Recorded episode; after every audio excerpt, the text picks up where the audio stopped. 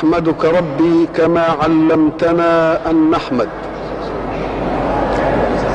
وأصلي وأسلم على خير خلقك سيدنا محمد. وبعد. فقد انتهينا في اللقاءات السابقة بخواطرنا الإيمانية حول سورة البقرة.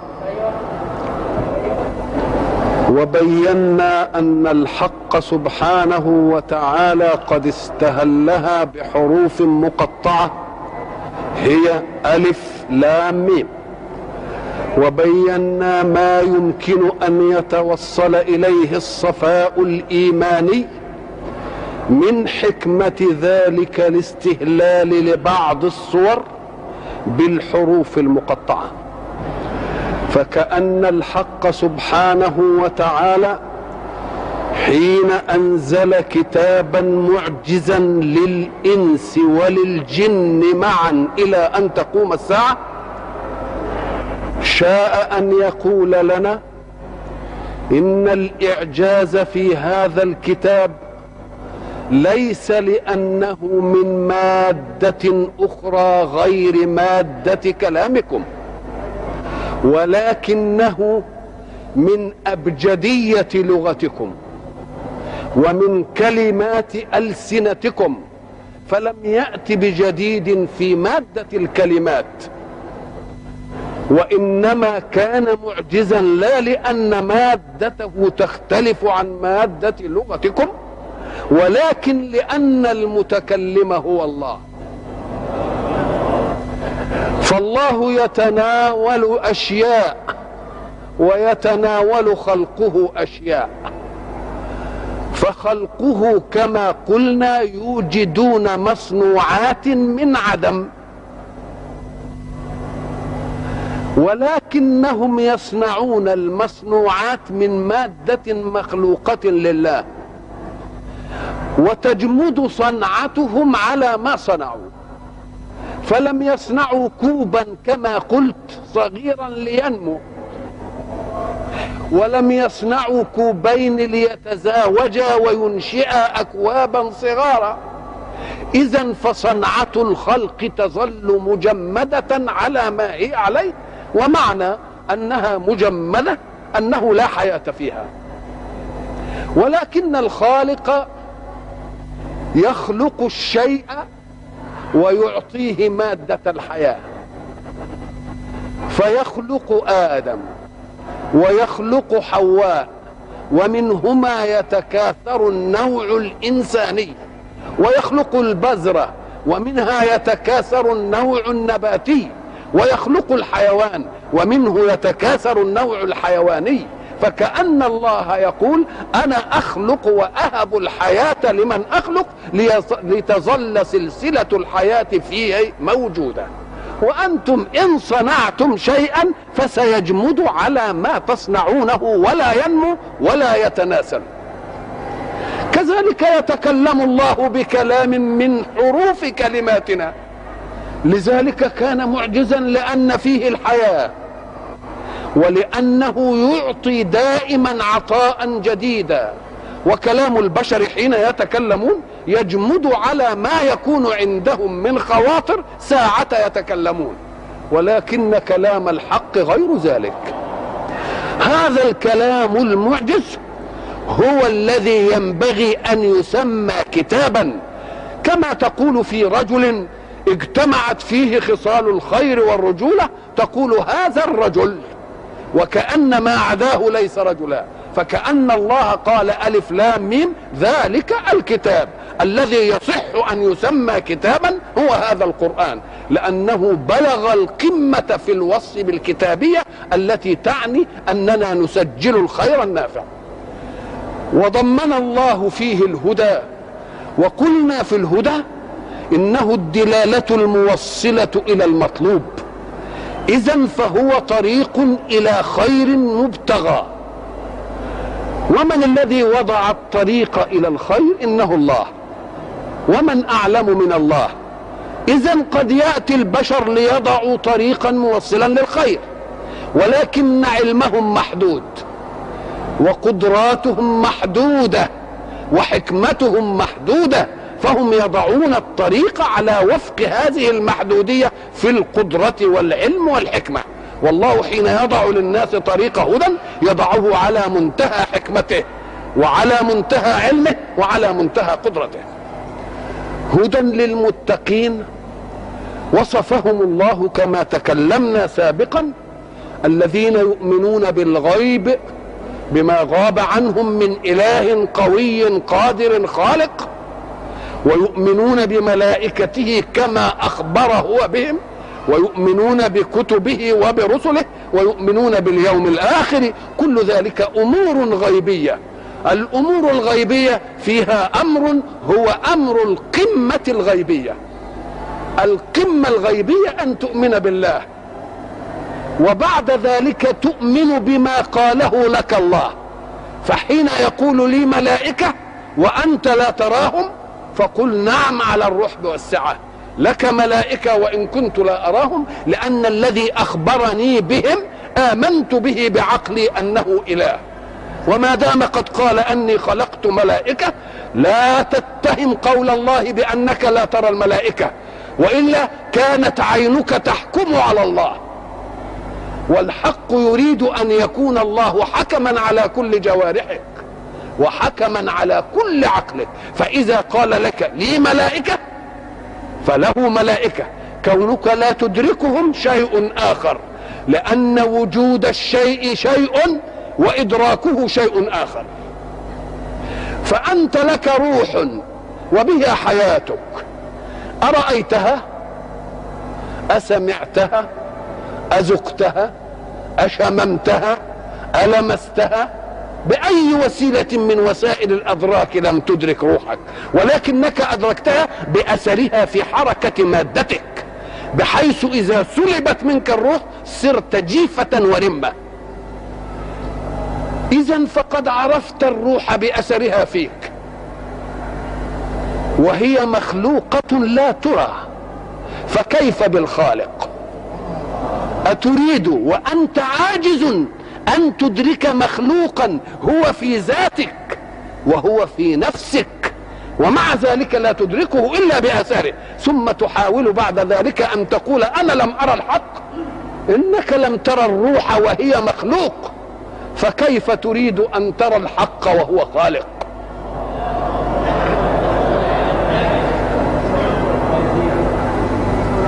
هدى للمتقين الذين يؤمنون بالغيب.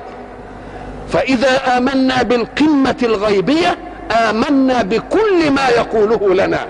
وإن لم نره ويضرب الله الأمثال للناس في ذوات نفوسهم. فقبل أن يكتشف الميكروب كان الناس يشاهدون في ذواتهم ظواهر أمراض ولا يدركون إلا الظاهرة. الحرارة وكذا وكذا وكذا. ولا يعرفون شيئا اسمه الميكروب. فلما ارتقى العلم وأذن الله لمخلوق من خلقه وهو الميكروب أن أن يولد مرآه للوجود أقدر العقول على أن تكتشف المجاهر. فوجد الميكروب ورأيناه بصورة مكبرة. لم نره أولا لأنه كان دون طاقة إدراك العين. أقل من أن يدرك. والشيء إذا قل عن طاقة إدراك العين بقانون البصريات لا يمكن أن يدرك. بدليل أن رجلا ضخما تراه أمامك ثم يتولى عنك أي يسير بعيدا عنك فكلما سار خطوة نقص مرآه لك وتضاءل إلى أن يصبح كالولد الصغير. فإذا ظل سائرا انفقد. أين ذهب؟ هو موجود. ولكنه وصل بالبعد إلى حد الصغر الذي لا تدركه عينك. فإذا ما جئنا وجئنا بتلسكوب ليقرب البعيد أدركنا الرجل. اذا فعدم رؤيتك للشيء لا يعني أنه غير موجود. ولكن آلة إدراكك هي العاجزة والشيء لا يدرك إما لأنه صغير جدا جدا دون مستوى إدراكك فوسيلة إدراكه أن تكبره بالمجهر. وإما أن لا يرى لأنه بعيد بعدا يخرجه عن نطاق رؤية عينك فهات التلسكوب ليقربه حينئذ تراه إذا فعدم إدراكك الشيء بآلاتك الحسية المعروفة لا يعني أنه غير موجود. فإذا ما حدثنا أن الميكروب موجود الآن ورأيناه رأي العين القدماء الذين كانوا لا يعرفون ذلك لو حدثناهم قبل الميكروب بهذا أكانوا يصدقون؟ لا يصدقون. إذا فترك الله بعض الخلق غير مدرك في زمن لأنه دون وأقل من مستوى رأي العين ثم يقدرك عليه في زمن. فتراه يقول لك الله اذا لا تصدق إن قلت لك أن هناك غيب لا تنكر فهذا كان غيبا في القديم. وقد صنعت لك الآلات لتراه حتى تستدل أن الغيب قد يكون موجودا ولكنك لا تراه. إذا فالذين يؤمنون بالغيب قمة إيمانية أن يؤمنوا بالله وأن يؤمنوا بما أخبر الله به. ثم بين وقال ويقيمون الصلاة لإدامة ولاء العبودية للحق كما قلنا في لقاءات سابقة تتجدد كل يوم خمس مرات. ومما رزقناهم ينفقون. حين تكلمنا عن الرزق. يظن كثير من الناس أن الرزق هو ما يتعلق بالأموال والنفعيات. فاللي عنده مال ينفق اللي عنده خير من الأرض ينفق اللي عنده نقول له لا الرزق ما انتفع به. فالقوة رزق والعلم رزق والحكمة رزق والتواضع رزق كل ما فيه حركة للحياة رزق. فلا تقل أنا ليس عندي مال لأنفق منه. عندك عافية تصدق بها على العاجز. أنفقها للعاجز. عندك حلم أنفقه للأخرق. عندك علم أنفقه للجاهل. اذا فمما رزقناهم ينفقون يستوعب كل أقضية الحياة وكل كمالات الوجود. حتى إن ذهبت إلى إنسان لا يحسن صنعة شيء فاصنعه له لأنك تجيده. يبقى إذا إجادة الأشياء رزق أيضا. إذا ومما رزقناهم ينفقون تستوعب كل حركة الحياة. ثم بعد ذلك حينما قال الذين يؤمنون بالغيب ويقومون الصلاة ومما رزقناهم ينفقون نشاهد أن الله جاء بصنف آخر من الإيمان. ما هو الصنف الآخر؟ الذين يؤمن والذين يؤمنون بما أنزل إليك وما أنزل من قبلك. كلمة وما أنزل من قبلك لم تأتي في وصف المؤمنين الأولين. نعم لأن الإسلام إنما جاء ليواجه صنفين من الناس. الصنف الأول صنف كافر بالله لا يؤمن بإله ولا يؤمن برسول مبلغ عن الله. هؤلاء هم كفار مكة. ولكن في المدينة لأن السورة مدنية جاء صنف آخر. هم أهل الكتاب يؤمنون بالله ويؤمنون برسل عن الله وبكتب عن الله. والإيمان الإسلامي لا بد أن ينتظم النوعين معا. لماذا؟ ربما ظن أهل الكتاب أنهم على صلة بالله يؤمنون به ويتلقون منه كتبا. ويتلقون منه رسلا فذلك كاف. نقول لا الإيمان الإسلامي جاء ليواجه المعسكرين جميعا حتى يكون الدين كله لله. الذين يؤمنون بما أنزل إليك وما أنزل من قبلك وبالآخرة هم يوقنون. نلاحظ أن هنا كلمة وبالآخرة. لماذا؟ لأنك إن تصفحت التوراة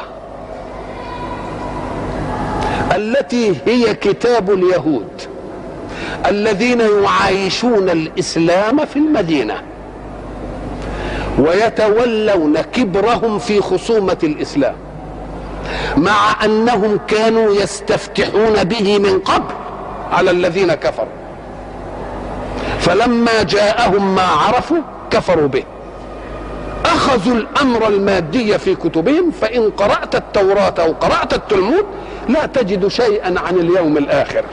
فكأن الله أكد الإيمان باليوم الآخر لأن الذين يقولون إننا آمنا بالله وآمنا بكتب وآمنا برسل لا يلتفتون إلى اليوم الآخر. فلو لم يجئ ذلك ربما كان ذلك موافقا لما عندهم. والإسلام يريد تصورا كماليا ينتظم كل شيء من الإيمان بالله قمة ابتداء إلى الإيمان باليوم الآخر قمة انتهاء. هنا يريد الحق سبحانه وتعالى أن يصف الذين آمنوا اولا والذين آمنوا ثانيا. قال أولئك على هدى من ربهم وأولئك هم المفلحون. أولئك من هم؟ الأولين؟ ام, أم الذين آمنوا ثانيا ما عندنا صنفين من الإيمان. الذين يؤمنون بالغيب ويقيمون الصلاة ومما رزقناهم ينفقون. هذا صنف. والذين يؤمنون بما أنزل إليك وبما أنزل من قبلك وبالآخرة هم يوقنون. هذا صنف آخر. أولئك تعود إلى من؟ تعود إلى مجموعهم يعني الاثنين؟ طيب لما كان أولئك على هدى من ربهم يقول وهم المفلحون. إنما قال ثانيا وأولئك هم المفلحون. يبقى فيه أولئك إلى مكان وأولئك إلى مكان آخر. نقول له صادق هل الوصفان في أولئك على هدى وأولئك هم المفلحون؟ متحدين. الخبر مختلف. أولئك على هدى. والهدى هو هو الدلالة الموصلة للمطلوب. وأولئك هم المفلحون. هل هي الدلالة ولا الغاية المطلوبة؟ الغاية المطلوبة. يبقى هم على هدى فوصلوا إلى الفلاح. يبقى الأول دلالة موصلة إلى المطلوب والثاني غاية. وهو الفلاح. طيب الأولين لهم الدلاله فقط وليست لهم الغاية؟ والثانيين لهم الغاية وليست لهم الدلالة؟ ولا الاثنين لهم الدلالة بالهدى ولهم الغاية بالفلاح؟ الاثنين الاثنين. الله يبقى اذا أولئك على هدى من ربهم وأولئك هم المفلحون. يجب أن تكون لمن؟ للصنفين معا. للصنفين معا. وإن أردت أن تجعل لصنف إشارة ولصنف آخر إشارة فتلك من بلاغات القرآن. بلاغات القرآن حين يأتي لأمرين. كل أمر له حكمان. يقوم يأتي في الأمر الأول بحكم. ويتركك تستنبط الأمر المقابل له في الحكم الثاني. يعني يعمل عكسية؟ زي إيه يعني مثلا؟ يقول قد كان لك قد كان لكم آية في فئتين التقتا. لما التقى الكفار مع المؤمنين في الحرب يبقى في فئتين. التقت فئة تقاتل في سبيل الله. أي الفئات هي. التي تقاتل في سبيل الله. أي الفئات هي؟ المؤمنة. كأنه قال فئة إيه؟ مؤمنة تقاتل في سبيل الله. وأخرى كافرة. الله. يبقى تقاتل في سبيل إيه؟ لازم في سبيل الشيطان.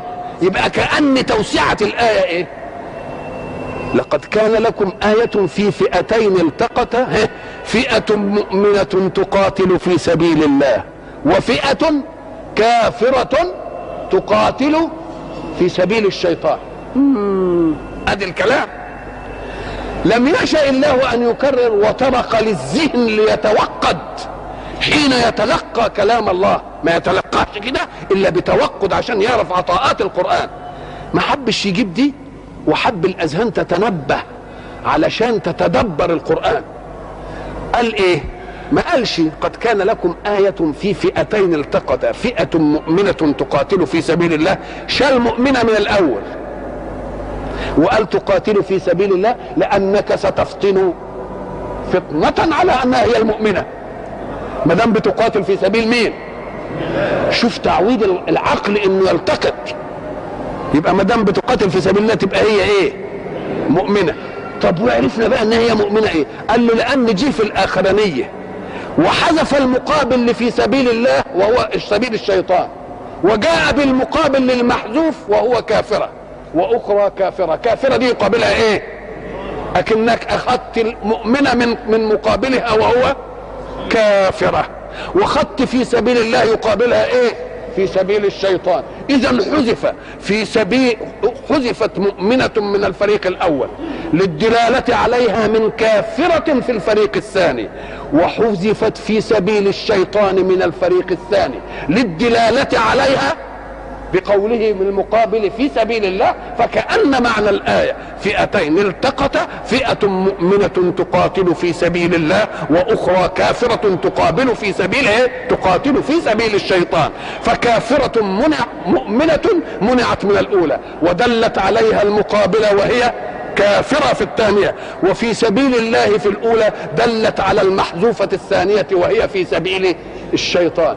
وده بيسم وده بيسموه في اللغة بيسموه احتباك. علشان يعلمنا إيه؟ يعلمنا إزاي نتلقى الإيه؟ القرآن. مثلا حين نسمع قول الحق سبحانه وتعالى بيعلم الرسول يقول قل لهم هم يقولون أنك افتريت القرآن. قل لهم.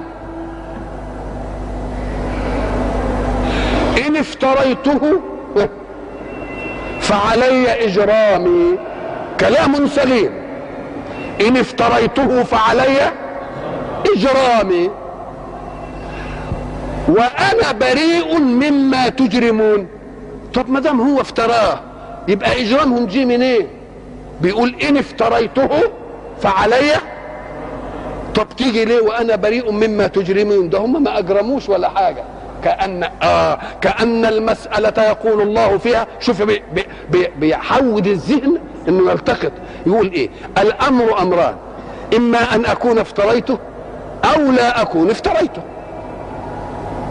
فإن كنت قد افتريته فعلي إجرامي وأنتم براء منه. مش كده؟ طب وإن لم أفتره؟ وأنتم مجرمون. الله يبقى اذا في فريقين. آه يبقى اذا دي احتباك. فجاب إيه؟ إن افتريته فعلي إجرامي فكأنك تفهم وأنتم بريئون. خلاص؟ وإن لم أفتره أنا بريء وأنتم المجرمون. يبقى اذا جاب المحذوف هنا مقابله في المحذوف هناك احتباك ليعود العقل أن يستقبل الإيه؟ الإنسان القرآن ويعي أن فيه محذوفات استغنى الله عن ذكرها تربيبا للذهن أن يتوقد فيلتقط. لما تيجي مثلا في حاجات كتير تلاقيها إيه؟ محذوفة. الذهن هو اللي إيه؟ هو اللي يجيبها. لما يجي يقول له إيه؟ اذهب بكتابي هذا فألقه إليهم. مش كده؟ ثم تول عنهم فانظر ماذا إيه؟ يرجعون. على طول كده قالت يا أيها الملأ إني ألقي إلي كتاب كريم. ده ذهب الهدهد وأخذ الكتاب وراح ووداه ود... الله الله الله. كتير. انحذف كل الكلام ده.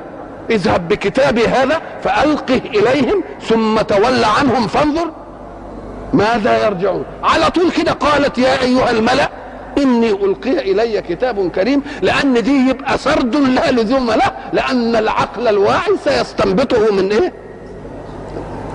اذا فقول الله أولئك على هدى من ربهم وصف للأولين ومعهم هم المفلحون. خدناها منين؟ من المقابل الثاني. والتانيين برضو والذين يؤمنون بما أنزل إليك وما أنزل أولئك هم المفلحون. أولئك على هدى من ربهم وإيه؟ وهم المفلحون أيضا. فكأن أولئك للأول جاءت على هدى وتركهم مفلحون لدلالة الثاني عليه. وحذف من الثاني على هدى ودلت الأولى عليه فكأن الله قال الطائفة المؤمنة الأولى على هدى من ربهم وهم الإيه؟ المفلحون. والطائفة الثانية على هدى من ربهم وهم المفلحون. ما العلة في أنه عمل العملية دي وجابهم ويا بعض. ما قالش الذين يؤمنون بالغيب ويقيمون الصلاة. ومما رزقناهم ينفقون أولئك على هدى من ربهم وأولئك هم المفلحون. وبعدين يقول إيه؟ والذين يؤمنون بما أنزل إليكم ويجيب لهم برضو الخبر بتاعه. ليه لحم الخبرين ورا بعضهم؟ علشان نعرف إن ما فيش فيه بقى بعد الإسلام ايمانان بل هو إيمان واحد. يترتب عليه جزاء واحد. وسيلته هدى وغايته فلاح. لو نظرنا إلى التكليفات اللي هي الدلالة الموصلة إلى المطلوب اللي إحنا بنسميها الهدى ده. تجد أن الله رفع المهتدي على الهدى. يعني الهدى مش جاي يستذلك. الهدى جاي يرفعك. لأن في ظاهر الأمر أن الهدى يقيد حركتك. فقال لا أنت على الهدى. وعلى تفيد إيه؟ الاستعلاء. زي ما تقول أنت على الجواد أنت على الدابة أنت على السطح. يبقى علا تفيد إيه؟ على تفيد العلو. فكأن المهتدي حين يلزم نفسه بالدلالة على الغاية الموصلة للمطلوب لا يستذل للهدى ولكنه يرتفع على الهدى. والهدى يصبح تحت امرته في ان يوجهه إلى الخير. لكن الضلال يعمل إيه؟ الضلال يغلفك فيه يحبسك فيه. ولذلك شوف المقابلة. وإنا أو إياكم لعلى هدى أو في ضلال مبين. في العلو في الهدى يفتنك يقول لك المنهج وإن قيد حركتك فإنما جاء لإعزازك ولعلوك وسمو مقامك أن تأخذ من بشر تشريعا أو تأخذ من ذاتك حكما ولكنه يرتفع بك إلى أن تتلقى عن الله. ادي على. أولئك على هدى. ولكن في الضلال قال إيه؟ في. وفي دي تدل على الظرفية المحيطة. شوف الشيء في الشيء. الشيء في الشيء يعني أن الشيء إيه؟ مظروف. دي اللي, اللي ربنا قال عليها في آية أخرى أحاطت به خطيئته. أحاطت به لا يستطيع أن يتململ منها لأنه مظروف في الضلالة. وما دام مظروف في الضلالة فلا يمكن أن يأتي له منفذ ينفذ به عن الضلالة. الضلالة حكمته. وما دامت حكمته هذا الحكم وغلفته ذلك التغليف فلا يمكن أن يصل إلى هدى مطلقا الحق سبحانه وتعالى حينما قال أولئك على هدى من ربهم وأولئك هم المفلحون اختار لفظا عليه دليله. معنى مفلح يعني إيه؟ معناها العام الفائز. أولئك هم الفائزون. ده كلام على الأول إنما الاشتقاق بتاعها اشمعنى ما قالش هم الفائزون ليه؟ ما كان يقول هم الفائزون أما جايب هم المفلحون. ليه؟ لأن الفلاح والفلح والمادة كلها مأخوذة من شق الأرض للبذر. ومنه سمي الإيه؟ الفلاح. الفلاح الذي صنعته شق الأرض للبذر. الله. طب وجاب دي ليه يعني؟ اشمعنى دي جابها عشان الآخرة كده؟ أم قال لك لأنه يريد أن يأتي مع الشيء دليله. وهناك فارق بين أمر يخبرك به غيبا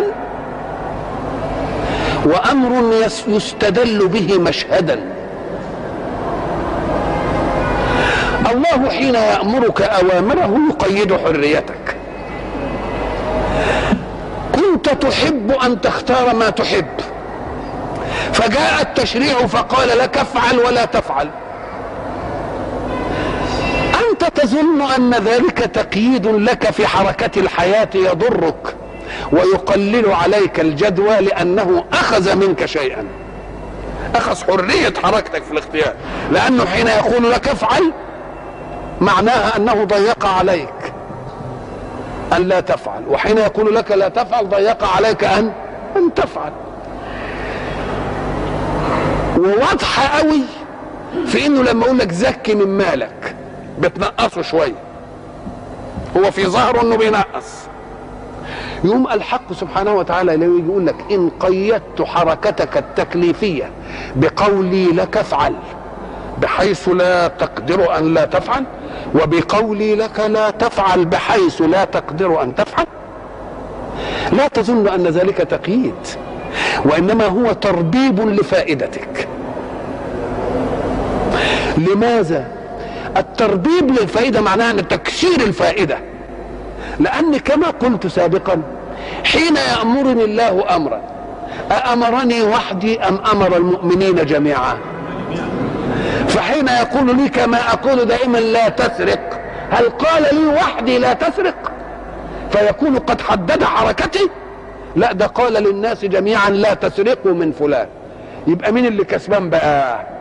أنا ولا ولا غيري؟ أنا اللي كسبان. لأنه قيدني وأنا واحد وقيد من اجلي ملايين الناس. يبقى اذا ربط ولا ما ربطش يوم لما يجي يقيدك بالتكليف يقول لك أنا حين أقيدك بالتكليف أنا أريد أن أضمن لك الفلاح أن تكون الفائز تكون المنتصر أن تكون صاحب المغنم. إزاي؟ أم جاب كلمة من مادة فلح الفه واللام والحاء. حين ترى مادة فلح في اللغة تجد هي إيه؟ شق الأرض وإهاجتها بالحرث بالحرث وتؤدي معنى القطع. إن الحديد بالحديد يفلح. يقطع يعني يشك برضه. اذا فكلها معنى إيه؟ حركة تستدعي شق متلازم جامد. مش معناها كده؟ فإن كانت الأرض الصمة دي بن إيه؟ بنشقها علشان نرمي فيها الإيه؟ البذر. إحنا حين نشقها ونرمي فيها البذر العملية دي يمكن الفلاح كان بيعملها تقليدا لأنه وجد آباءه والذين أخذ عنهم هذه الحرفة بيعملوا كده. ورأوا أنهم إذا ما جاءوا ببذرة وزرعوها في أرض جامدة ما تنبتش النبات اللي مؤدي إلى الثمرة المرجوة. تطلع هزيلة يمكن ما يعرفوش لماذا. هو عملها كده تقليدا. طب بالله لما يكون عملها تقليدا ده قلد ده وده قلد ده وده قلد ده وده قلد ده لحد آدم يا شيخ.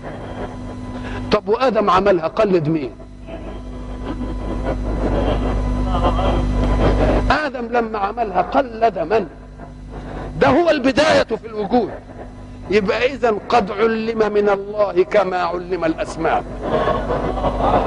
يبقى كل شيء في الوجود أصوله معلمة من السماء. لأن الله لا يخلق آدم ليباشر مهمة في الأرض إلا إذا علمه كيف يزاول ولو بداءات هذه المهمة. وبعدين جينا بالقرون بقى اللي اتقدمت عرفنا إيه ليه الحكاية بتاعت شك الأرض ونرمي الزرع ولازم نحرط لازم إيه؟ وليس للفلاح عمل إلا أن يحرس ويرمي البذر. ملوش دعوة بقى. الفلاح ما بيقعدش للعناصر بقى يجمعها عشان إيه كد للنبات ولا له دعوة بالحكاية دي. هو إيه؟ يحرط ويرمي الايه ويرمي, البذر. آه ولذلك أنصفه ربه. قال له إياك أن تغتر بحركتك في الحياة لتقول أنا أزرع. كن صادقا. وكن واقعيا وقل أنا أحرس فقط. أفرأيتم ما تحرثون؟ أأنتم تزرعونه أم نحن الزارعون؟ لو نشاء لجعلناه حطاما. الله. يبقى أنصف ملوش إلا إيه إنه يحرس اذا فالفلاح لا عمل له إلا أن يفلح الأرض. يشقها ما يعرفش ليه بيعمل العملية دي. إنما بعدين عرفنا. بعدين عرفنا الذي قدر كل شيء وهدى كل شيء. عرفنا ليه بنعمل العملية دي؟ ليه؟ أم قال لك لأن النبتة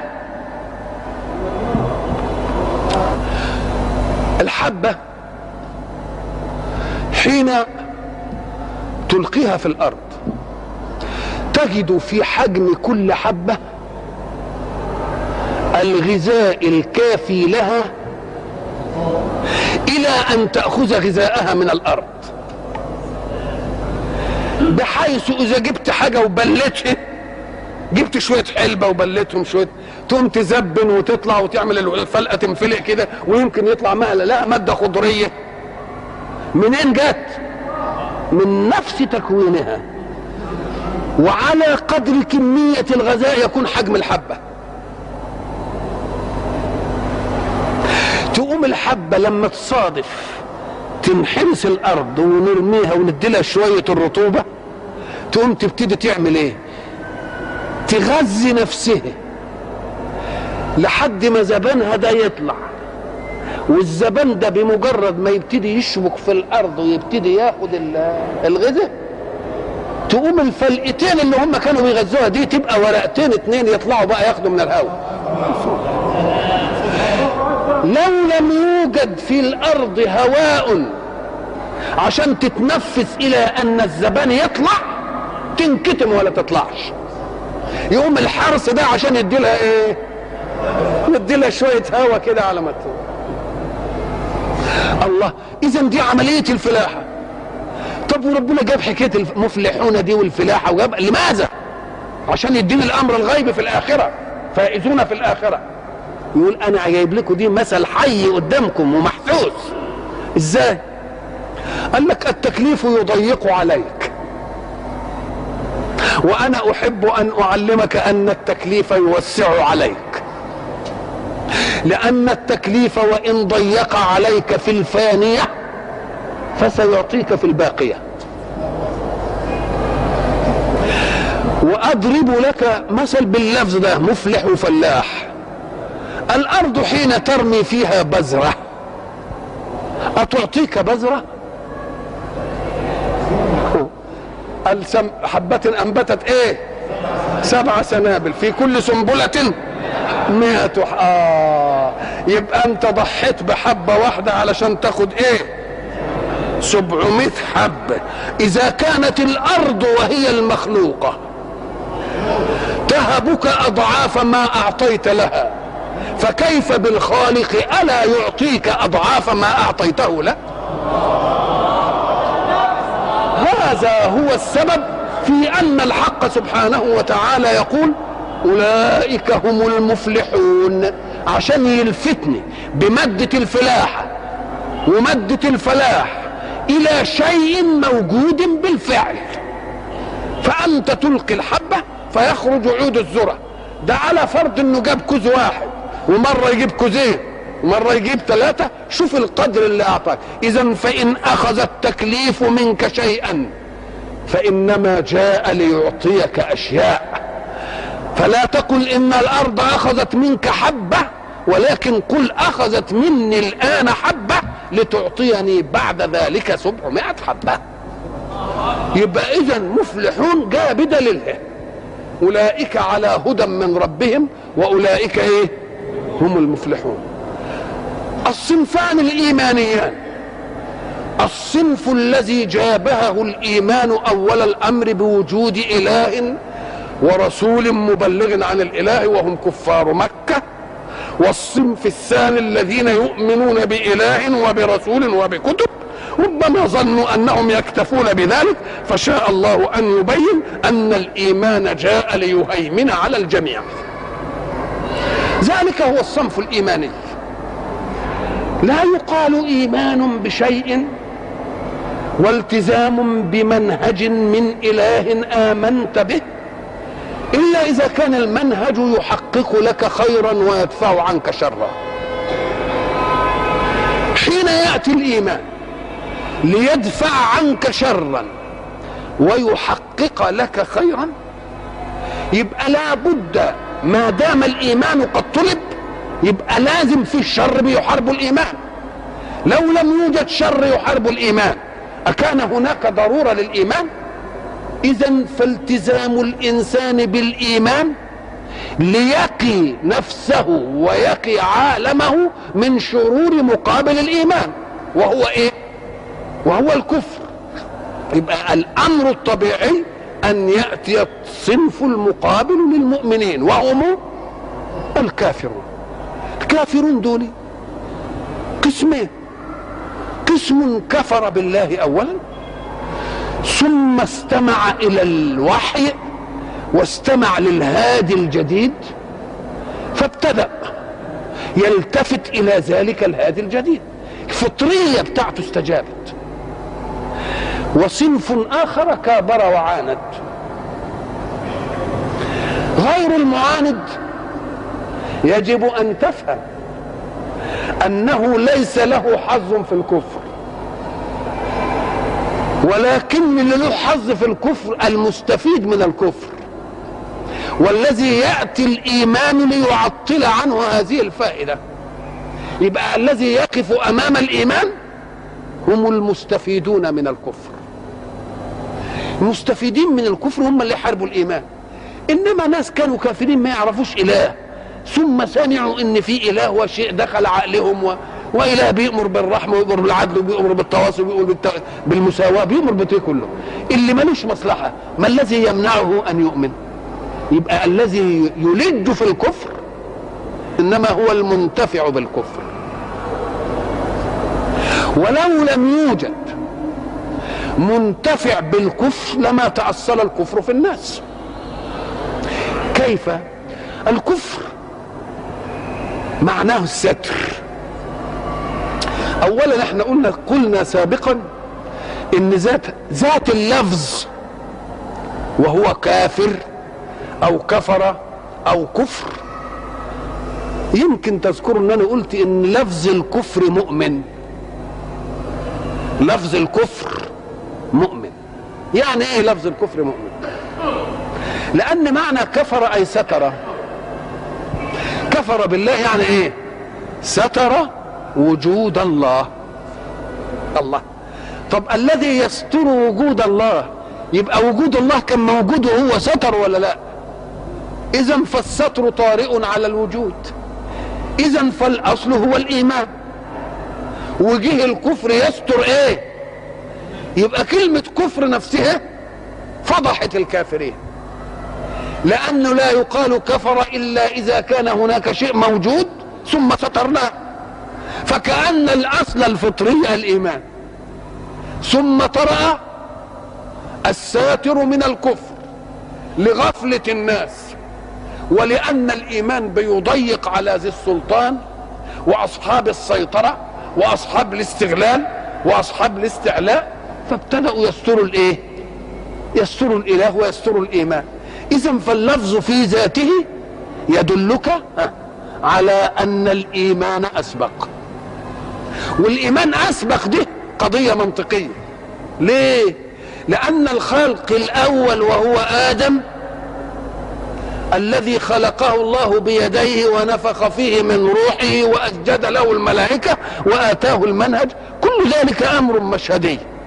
يبقى الكفر لسه ما جاش. الكفر كان بيداعب في آدم بواسطة إبليس. كان المفروض طبعا إن آدم قعد يلقن أبنائه. وبعدين بمرور الزمن جاءت الغفلة. وبمرور الزمن وجد وجد كثير من الناس أن الإيمان يقيد حركتهم. فابتدأوا يعملوا إيه؟ يكفروا.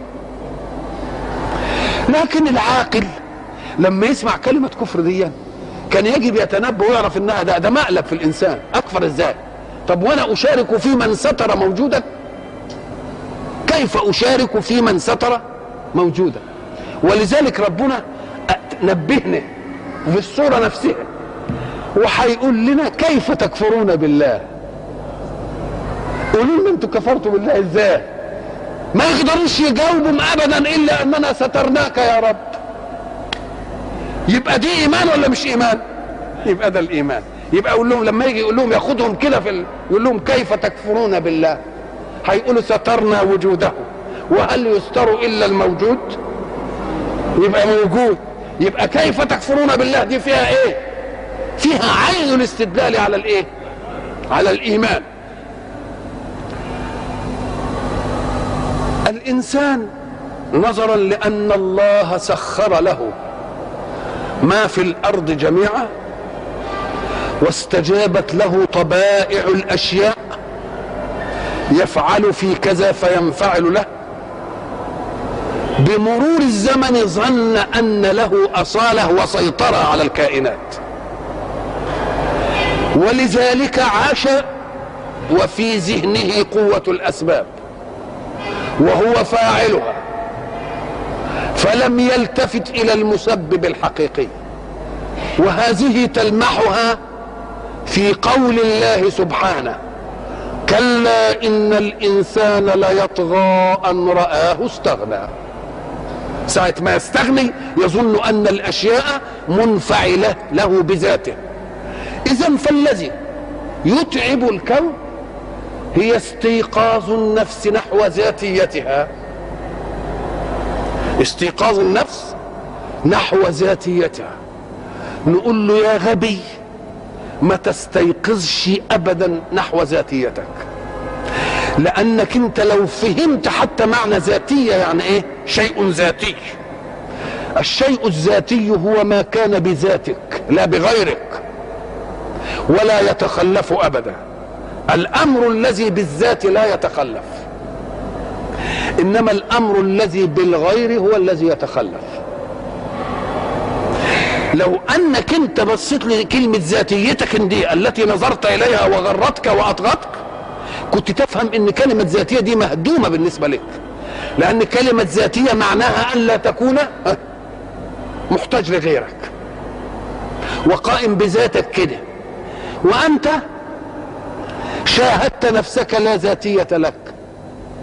متغير ومحتاج لمعونة أبوك وأمك وأمك تشخخك وأمك تأكلك وتسحبك وتشيلك على كتفها الله. ولا تقدرش تقوم تجيب لنفسك الطعام وهي اللي تجيبه لك إذا الذاتية ممتنعة أصالة في في في بدئك. وإذا ما أخذت شيئا يطغيك بأن لك ذاتية وبلغت رشدك وبلغت قوتك ونضجك وأصبحت الأشياء تستجيب لك وأصبحت تعين غيرك بعد أن كنت تعان. ربما غرتك هذه الفترة. فانظر الفترة الآتية في مقابلك وهو أنك ستصير إلى طفولة أخرى. لكي لا يعلم من بعد علم شيئا. وبرضه عايز بعدين اللي ياخد بإيدك. واللي يقعدك وإن طال بك العمر عايز برضه اللي يقعدك تخطئ إيه حاجتك. وإن طال بك العمر يمكن عايز اللي يأكلك. وعي... الله. اذا فقوس انعدام الذاتية كما بدأت به برضه تنتهي إليه. وأيضا وهب أنك في متوع قدرتك وفي متوع قوتك. برضه الذاتية ممتنعة. لأنك أنت تبقى كده في شبابك وبعد ذلك. تلتفت تلاقي حاجة جت كده مرض ولا بتاع انتهت الذاتية. خالص. وأصبح لا حول لك ولا قوة ابدا. وربنا عامل الصور دي ليه؟ يجي للشاب يمرضه للشاب مثلا يميته لشاب يقول لك ها علشان تندك عقيدة الإنسان في ذاتيته. وما دام تندك عقيدة الإنسان في ذاتيته يبقى يذكر دائما افتقاره إلى سواه. وما دام مش هو وحده سيفتقر إلى ما سواه. بل غيره من مكررات الناس يفتقرون أيضا يعلم أنهم جميعا مفتقرون إلى غير مفتقر إلى أحد. حق سبحانه وتعالى. يبقى اذا الذاتية يجب إنها تنعدم. فالكافر يريد أن يحافظ على ذاتيته. والمؤمن أيضا يريد أن يحافظ لا على ذاتيته الأصيلة بل على ذاتيته الوكيلة عن الأصيل ذاتية الخلافة. وما دام الاثنين بيبحثوا عن ذاتيتهم بس دي نظرة حمق ودي نظرة حق. يبقوا لازم متقابلين في الوجود. وما دام متقابلين في الوجود يبقى الحق حين يعرض الطوائف بالنسبة لمنهج الله لازم يعرض مؤمنين ويعرض إيه؟ ويعرض كافرين. وإن شاء الله إلى لقاء آخر نستوعب ما يفتح الله به علينا. بارك الله فيكم. وإلى لقاء آخر إن شاء الله.